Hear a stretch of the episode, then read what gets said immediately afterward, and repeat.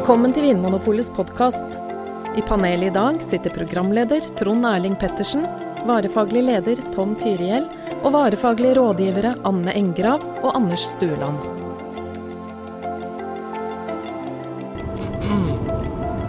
Eh, Jeg heter Anders Stueland, og jeg sitter i en bil sammen med Anne, Tom og Trond Erling.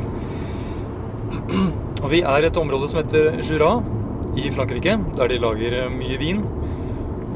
Og nå er det helt i begynnelsen av september, og det er innhøsting. Og vi har vært så heldige at vi har fått lov til å være sammen med noen eh, vinprodusenter og følge dem under innhøsting, og det er ganske så hektisk. Så vi tenkte vi bare skulle fortelle litt om hva det er som skjer. Både i kjelleren, men også i vinmarkene i disse dagene. Så Tom, kan ikke du fortelle, hva er det liksom Hva er det de begynner med en dag under, under innhøsting? Eh, De, de startet eh, først ganske tidlig, klokken seks om eh, morgenen. Eh, og da begynte de i kjelleren for å gjøre alt klart der, så at eh, det var plass til druene når de kom inn med dem. Eh, da møtte de også plukkerne og hadde en sånn eh, brifing med de. Og så dro de ut i vinmarken. Nettopp. Og ute i vinmarkene, hva er det som skjer der, Trond Erling? Der går man jo rundt og plukker druer, da. Det er jo eh, et, et lag, en hel gjeng med, med plukkere som går opp og ned langs vinrankene og, og klipper av eh, hele drueklaser med sånne hagesakser, egentlig. Ser ut som hagesakser som mora mi bruker når hun beskjærer rosebuskene sine. Ja. Eh, Og det heter en sekatør. Det Ja. heter en sånn eh, drueklippesaks. Så det er den mest vanlige metoden. Da samler de eh, druene i bøtta, som igjen blir samla i ei stor bøtte, gjerne som, noen, som en sterk kar går og bærer på ryggen. Og så tar han med alle de her druene videre til et stort kar eller en tilhenger eller hva det måtte være, så man kan eh, frakte druene videre til, til vinkjelleren med. Mm. Og Anne, de, de som plukker disse druene, de, de virket jo De var ganske kjappe. Ja, de var veldig Ja, de må jo trene på dette her. Altså, får de noe opplæring, tror du? Ja, jeg tror eh, noen av de tror jeg nok har gjort dette flere år på rad. De kommer tilbake og liksom er drevne plukkere. Og så mm, er det litt sånn De går jo to stykker på én rad, så de står på en, hver sin side av raden også. Så de driver litt sånn intern opplæring også. I tillegg til at det er en sånn dreven plukker, eller han som er vinmakeren, da, som står først og viser hvilke typer druer som skal plukkes. For det er jo ikke alltid at de skal plukke alle druene. Det er mange ganger at de, at de går gjennom vinmarka flere ganger og plukker Denne gangen skulle du bare ha de druene som er hele uten noe ødelagte druer på, eller de som er akkurat passe modne, og så lar du de som er ikke helt modne nok, henge til neste gang de går gjennom. Så det er litt sånn teknikk. Ja. Ja, for vi fikk jo høre at de, i dette området her så lager de jo en, en søt vin som heter de Og da må de gå gjennom og plukke de aller fineste drueklassene mm. ganske tidlig. Og da virket det som de brukte de mest erfarne plukkerne til, til den oppgaven. Ja. De som ikke slurver. Ja. Eh, Men det er jo ikke sånn at alle eh, produsentene her i området bruker eh, Altså, plukkere de, de bruker noe annet for å, å høste inn, ikke sant, Tom? De Ja, bruker maskin. Ja, det finnes også maskin, ja, Ja. som ser ut som en sko, stor skurtreske nesten, men ikke med den der treskeren foran, hva man kaller det. Men som da er høy, så den kan kjøre over vindplantene, og så riste de ned og samle de opp. Um, og de ble fortalt eh, gjør vel jobben til en som cirka uh, kan erstatte 80-100 personer. Så det er en veldig effektiv, men også en ganske en røffere måte å gjøre det på. At det, er eh, det er en snillere måte å ta bedre vare på druene ved å plukke de for hånd, men at det, du trenger arbeidskraft, og det tar lengre tid. Um, så det er det beste, men klart når man, noen ganger så har man dårlig tid, kanskje fordi man vet at det kommer mye regn, eller at det kommer frost eller hagl, eller hva det skal være. Og da kan det være nyttig å ha en eh, maskin som gjør det også. Ja. Og, og de, de plukkemaskinene har vel òg blitt bedre og bedre de siste årene, har de ikke Anders? Mer og mer sånn skånsom mot druene. At de, de har liksom forbedra teknikken sånn at de rister plantene litt mer skånsomt, sånn at druene ramler av uten altfor mye. Rusk og rask og sprukne druer. De, de sier jo så, men jeg tenker når vi sto ute i Vinmarken og så en sånn maskin harve gjennom, så, eh, så sto jo hele eh, raden med druer sto, eller med, med planter sto og rista. Ja, vi så det jo faktisk eh, side opp side. Ja. I Vinmarken bortenfor så hadde de en maskin som høstet inn. Og så var det der borte hvor vi var, så var det de menneskene, da, som håndplukkerne. Og jeg tenker jeg hadde best lyst til Nå kan du drikke den vinen fra de som plukket det for hånd. Ja, fordi når vi kom til eh, Eller også når vi ser når, når druene da blir tatt imot eh, hos produsenten, så er det sånn at eh, de druene som er blitt plukket med maskin, da følger det gjerne med en del blader og litt, eh, litt rusk. Og så er jo mange av druene har jo løsnet fra, fra stilkene sine, sånn at de er punktert. Stemmer ikke det? Det blir jo litt sånn. Det, er- du har mye mer kontroll når du klipper druene eh, med stilken på eh, for hånd. Så det du, det- du har litt mer travelt med å på en måte få, få druene pressa eller få i gang gjæringa når, når det er et lite høl der hvor stilken har vært da, på hver drue. Ja, for det da begynner da- på en måte druesafta å, å oksidere. Det kommer luft til, og så eh, blir det litt sånn, det blir litt brun eh, druesaft, og du kan få litt eh, litt mer sånn smak av eh, ja, tørka frukt eller brune epler eller eh, sånne ting som du kanskje ikke vil ha i den friske, fruktige, livlige vinen din. Ja, så det er, det, det er lettere å få god kvalitet eh, når man plukker på hånd, da, kan du liksom. Men de har jo også mulighet til altså, eh, Når det gjelder dette med rusk og rask, i hvert fall, at de kan eh, få inn alle disse druene som er høsta på maskin, og så kan de ha et sånn sorteringsbord når Ja. de kommer inn på gården, så Ja. de kan plukke ut det verste, så det at du kan i hvert fall gjøre det litt bedre. Da. Ja. Og, og det er jo sånn at det er fordeler og ulemper med alt. En sånn maskin kan jo f.eks. kjøre rundt om natta når det er kaldt og, og plukke druer, og da er det kanskje ikke så farlig om det går litt høl på noen av druene, fordi da er det såpass kaldt kanskje at, eh, at eh, det går saktere den her oksidasjonsprosessen av, av druesafta. ja. Ja, og det er noe med det, den der logistikken som vi ser, òg. de har det jo så hektisk, det er så lite tid. Og så har de jo bare et visst antall presser og et visst antall eh, eh, tilhengere. Så det at hvis du da kan høste noen av druene på natta og få i gang pressinga på natta, så har du Hvis du har veldig lite tid med dårlig vær i løpet av høsten, så kan det være en verdi i seg sjøl. Ja, for det er noe som stresser eh, vinprodusentene. Det har vi jo skjønt, at de, de følger med på eh, værmeldingene, og hvis det er meldt regn om en dag eller to, så da haster det med å få inn de modne druene. Ja, bare siste poeng i forhold til det med maskinell eh, eller manuell innhøstning. Så er det noen druetyper også, som pinot noir, som de gjerne vil ha i hele klasser, opp i gjæringskaret. Ja. Og det klarer jo ikke maskin. Nei, så- selvfølgelig.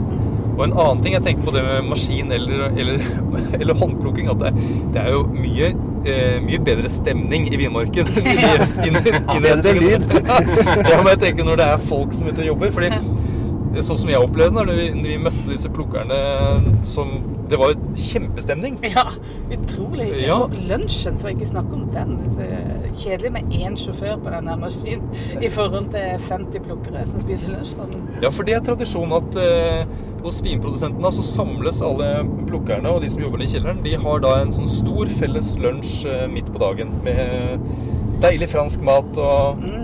En, en og en halv times lunsj, hadde har mitt, det? Jo, det var faktisk det. Ja, og det trengte de jo, da. Ja. Og ikke bare det, men kaffepausa underveis i vinmarka. Ja. Det, Kom igjen, nå er det kaffe! Ja. Og så er det en som har bakt noen deilige smultringer, og så kanskje de til og med får seg en, eh, et par millimeter med en liten eh, brandy-skvett i glasset. Ja. Og så går de tilbake og plukker videre. Så Ja. det var ordentlig god stemning. Det var det. Kjempehyggelig. Og det var folk fra Det var eh, folk i forskjellige aldre. Det var eh, familiemedlemmer, onkler, tanter, bestefar. Og så var det da kanskje noen barnebarn som var studenter, og så hadde de invitert med seg venner. Og i tillegg så var det da kanskje noe innleid arbeidskraft eh, fra både Frankrike, men andre, andre land. Mm. Og jeg, jeg må jo si det De vi har truffet, i hvert fall virket som de ble tatt godt hånd om, i hvert fall av, eh, av produsentene. Ja, det, det virka veldig hyggelig, men så er det jo ingen tvil om at det er hardt arbeid å gå rundt der i time etter time krumbøyd og plukke Ja. druer og lempe druer. og- Det er sant. Og du må, du må passe på fingrene dine. Det er, eh, Ja. de, altså det er masse bladverk, og det er litt dårlig plass mellom, eh, mellom kvist og kast. Og skarpe sakser. Ja. ja. Ja, HMS-en må jo være på plass. ja. Eh, Men Anne, du var inne på det med, med sånn logistikk og sånne ting. Eh, Det er jo viktig. Det er, en ganske svær jobb for vinmakeren å holde oversikt over liksom, har jeg nok tomme fat, nok tomme gjæringstanker, hvilke druer bør jeg plukke først og sist. og det var, det var ganske mye å holde rede på, virka det som. Ja, og som Anne sa det hadde han De har et kart. Hvem- Noen produsenter har jo vinmarker som ligger litt spredt rundt omkring. og noen steder så modnes ting raskere, og det er andre druetyper og sånt. Så det er virkelig et, eh, et puslespill. Ja, og så hadde de jo han, virker som han vi besøkte, i hvert fall hadde det nesten tilnærminga som en general på slagmarken. Ja. Så først så sendte han ut eh, speidere som gikk rundt og, så, og, og plukka druer sånn, eh, gjennom sånn tilfeldig valgte druer gjennom hele vinmarka. Analyserte de for sukker og sjekka modninger. Og så etter hvert så sendte han ut plukkelag. Noen ganger hele styrken inn på ett sted. Andre ganger delte han de opp og måtte koordinere de underveis. Og to rader her og to rader der. Altså virkelig et puslespill. ja. Og kjører rundt og treffer da en mann på traktor, slår en prat med han, ringer hit, ringer dit. Sørger for at pressa er tømt, Ja. at det er riktig trykk, og at det er liksom Ja. Også da tilbake igjen til kjelleren, hvor da folk står klare til å ta imot traktor traktorer med druer, og er rett, så det, går de i pressa, Ja. og så skal du opp videre i, i gjæringskar og, og slikt. ja. For selv om du kanskje sier at du da hadde en eh, Han vi besøkte, hadde jo da veldig, veldig mange forskjellige viner han lagde, men, men selv hvis du bare lager én hvitvin, da, så har du kanskje fire forskjellige vinmarker som du plukker hver for seg. Og, og gjerne presser hver for seg og gjærer hver for seg. Så det at selv om du bare har én vin, så har du masse forskjellige fat og, og prosesser underveis som eh, til slutt blander sammen. Da. Så det er jo det er komplisert. Ja, det er virkelig det. Det er lett å se for seg at eh, liksom, veien til én vin er gjennom bare én stor beholder. eh, at man plukker én vinmark, putter alt i én beholder, og så tappes det på, på flasker. Men det er jo sånn at det, druene kan komme fra mange forskjellige vinmarker. De kan gå inn i mange forskjellige gjæringskar og mange forskjellige eh, fat. Før det kanskje da blandes eller tappes, eh, tappes hver for deg. Ja, og Jura som vi er i, er jo naboregionen til Burgund. Og i Burgund er det veldig fokus på vinmarker og parseller som de selger også under det navnet. Jeg fikk inntrykk av at de har det samme fokuset her, at de plukker parsellene hver for seg, gjerdet hver for seg. Men allikevel så vil de gjerne blande det for å gi den kompleksiteten som ligger i det. Mm. Så de har den samme filosofien et stykke på vei, men de lanserer det ikke som enkeltparseller vanligvis. Så eh, her i området så startet innhøstingen for eh, ja, var det litt over to uker siden. Ja. Noe sånt. Ja. Ja, og de regnet med å være ferdig om eh, En uke. en uke maks. Ja. Hvis ikke det blir eh, veldig mye regn, da. For da må de gjøre det fortere. Ja, eller utsette. Eller utsette, ja. Ja, hvorfor det egentlig? Hvorfor er det så eh, problematisk at eh, det begynner å regne? ja. Det blir jo som å blande vann i vinen. Du får jo mer vann med. Det blir utvanna, Ja. rett og slett. Det blir mer vann i druene. Ja. Ja. Og utenpå druene. Nei, så da, når da innhøstingen er ferdig, så er det vel eh, Da kan du vel ta en pust i bakken, skal jeg tro. Ja, i hvert fall eh, plukkelaget. De drar jo hvert til sitt. Men eh, for vinmakeren så er det jo en del å følge med på fremdeles. Med sørge for at jeg i hvert fall holder oppsikt på gjæringa og Men det er kanskje litt roligere dager, da. Ja. Da er alt inne i hus, i hvert fall. Ja, og plukkelaget drar kanskje da videre til et annet område som har litt seinere innhøsting. En ting som, eh, som ikke skjer så ofte i virkeligheten, men som eh, man kanskje har et inntrykk av fra litt sånn allo-allo-aktig syn på, på hvordan vin lages. Eh, Det fins jo ikke noe sånn fottråkkerlag i, i vinkjellerne her. Det er mest på film at man lager vin ved å fottråkke druene. Ja, for Hvordan er det man gjør det da, Trond Erling? Nei, altså det kommer jo litt an på hva slags vin man skal lage. da. Det er jo forskjell på om man skal lage hvitvin eller rødvin. Da må jo druene behandles på litt ulike måter. Hvis du skal lage hvitvin, så tar du da de grønne druene eh, så, så rett i pressa som mulig. Altså Du måtte bare presse druene med en gang for å få ut eh, druesafta.